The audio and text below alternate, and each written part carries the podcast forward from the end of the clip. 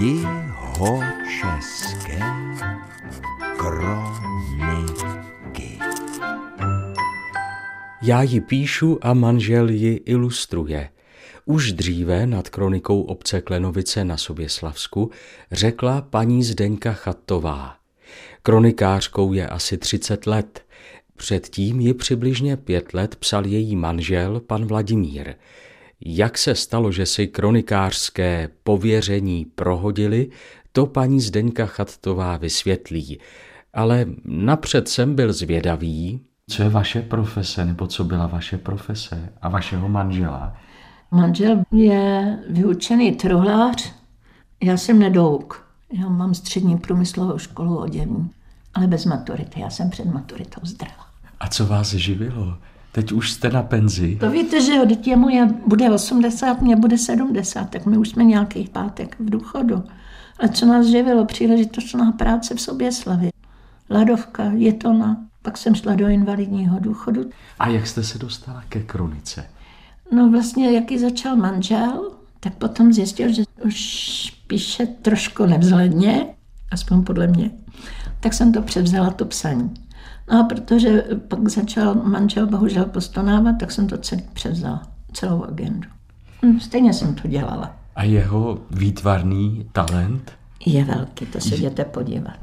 Učil se u profesionálu, u Stehlíka, u Jarouška Platilu. A tak je krásný, že je ochotný ilustrovat i To kroniku. dělá pro rodnou ves. On je tady rodák, já jsem se sem přivdala. A odkud pocházíte? Z veselí. No, ale byli jsme dlouhý leta z rodiče sobě slavy, ale rodák jsem veselák.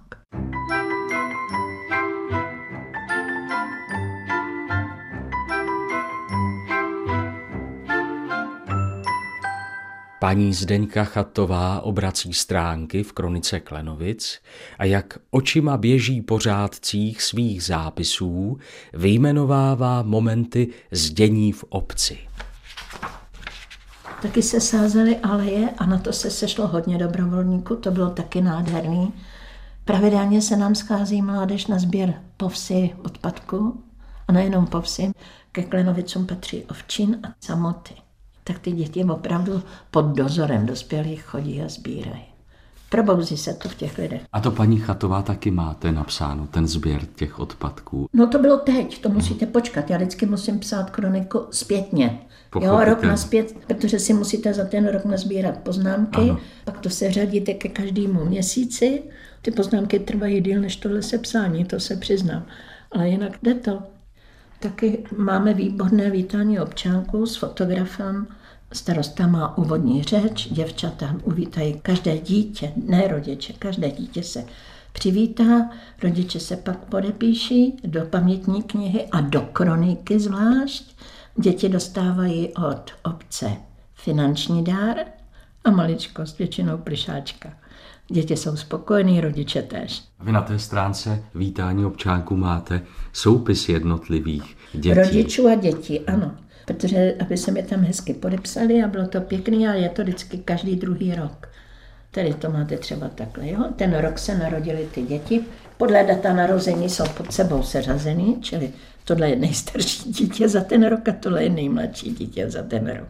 Tady se podepíšou, když přijdou oba rodiče, tak oba, někdy taky bohužel nepřijdou. Většinou jsou vždycky podepsáni Jsou, oba jsou. rodiče. U nás je to taková trošku větší společenská událost. Akorát koukám, že u Matyáše není žádný podpis. Tak se mu to doneslo domů. Rodiče s Matyášem zkrátka nepřišli na vítání, ale vy jste ho do kroniky zapsala. Patří tam. To byly děti narozené Ne, od srpna od srpna 2000. 2013 do března roku 2015. Buď se to dělá brzy po jaru, nebo nejdýl na podzim, ale vždycky se to dělá jednou za dva roky.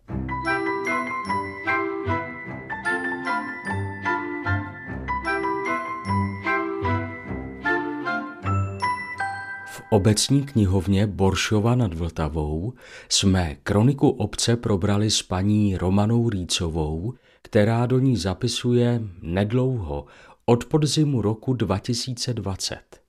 Přecházíme k dalšímu stolu v knihovně, na kterém leží fotoalbum.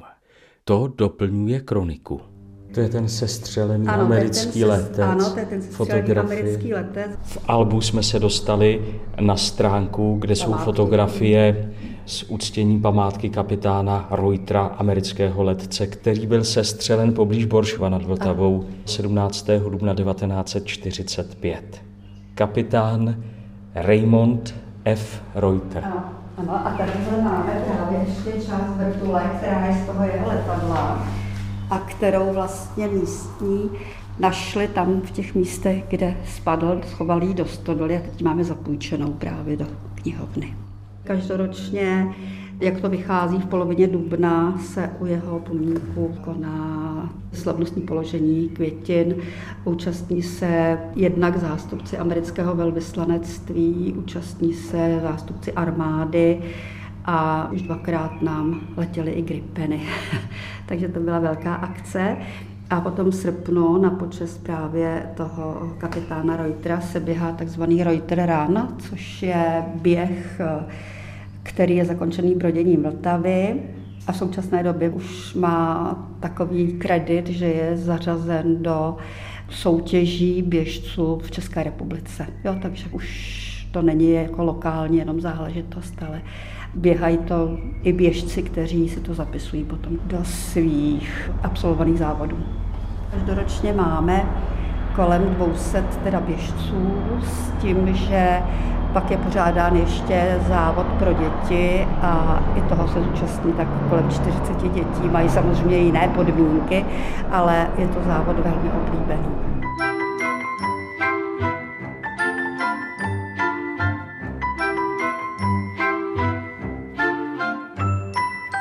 Poslední minuty tohoto dílu seriálu Jeho české kroniky věnujeme úvaze nad technickým provedením kroniky, v níž převažují fotografie v kombinaci s listinnými prvky.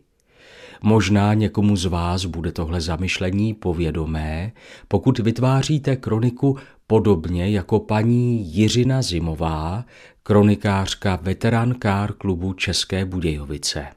Paní Zimová, když máte fotografie, pozvánky, plakáty a mapky, všechno to, co se týká dění ve veteránkár klubu České Budějovice, nalepeno na čtvrtkách, tak až budete mít určité množství toho materiálu, tak ty čtvrtky, takto polepené fotografiemi a dalšími věcmi svážete do knihy a nebo toto nějakým způsobem přefotíte ještě v počítači, upravíte a pak vytisknete z počítače jako publikaci. Jakým způsobem s tím naložíte? kladete mi otázky příliš do budoucnosti, protože jak vidíte, zatím za ty dva roky toho není tolik, protože jednak nás hodně omezil koronavir, no a jednak to zase není úplně tak dlouhá doba. Všechno, co jste teď zmínil, asi budu zvažovat. Dnešní nové kroniky se samozřejmě daly dělat i jenom v počítači, což by bylo z mnohých důvodů mnohem snažší. I pro mě by to bylo komfortnější. Ale na druhou stranu skompletovat fotografie, který mám v digitální podobě, s třeba tiskem, který se mi dostane. Jsou to jednak startovní listiny, výsledkové listiny a potom ohlasy, které třeba jsou z různých časopisů, z motoržurnálu a tak dále a já tyhle ty podklady nikdy nemám všechny v elektronické podobě. A když jsem s tou kronikou začínala, tak jsem o tom hodně uvažovala, jestli to nepřevedu pouze do elektronické podoby, ale z hlediska uchování tadyhle těch pamětihodností, na který jsem nepřišla, jak to jinak udělat, tak to zatím dělám v té podobě, v jaké to dělal můj předchůdce. To znamená, teď přesně jak jste zmínil, mám jednotlivé listy, tady máme napsaný počet stránek, koukneme se na konec, takže mám tady nějakých 33 stránek, což není ještě tolik, aby se to dalo svázat, ale až jich bude víc, tak to asi svážu klasickým způsobem a zařadím ji jako pokračovatelku z té řady těch kronik v tomhletom formátu. Jestli potom někdy dojde ke změně, asi jo, asi to k tomu spěje, že se kroniky dělají elektronicky. Ale pořád tady zůstává otázka těch materiálů, který třeba člověk dostane do ruky a nemá k ním ten elektronický zdroj.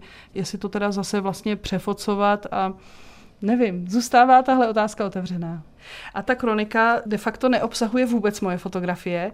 Obsahuje fotografie vždycky některého člena klubu, kterého já na té akci oslovím, aby mi fotografie i se svým popiskem poslal, protože si myslím, že on si všimne třeba věcí, které já bych si vůbec nevšimla. Tím tedy dosahujete větší pestrosti a objektivity pohledu ano. na věc. A nebo členy Urguju, ty, kteří tam byli, aby mi poslali fotky z toho, co se vlastně dělalo a tak dále, aby to opravdu té kronice hranice všechno zachyceno bylo.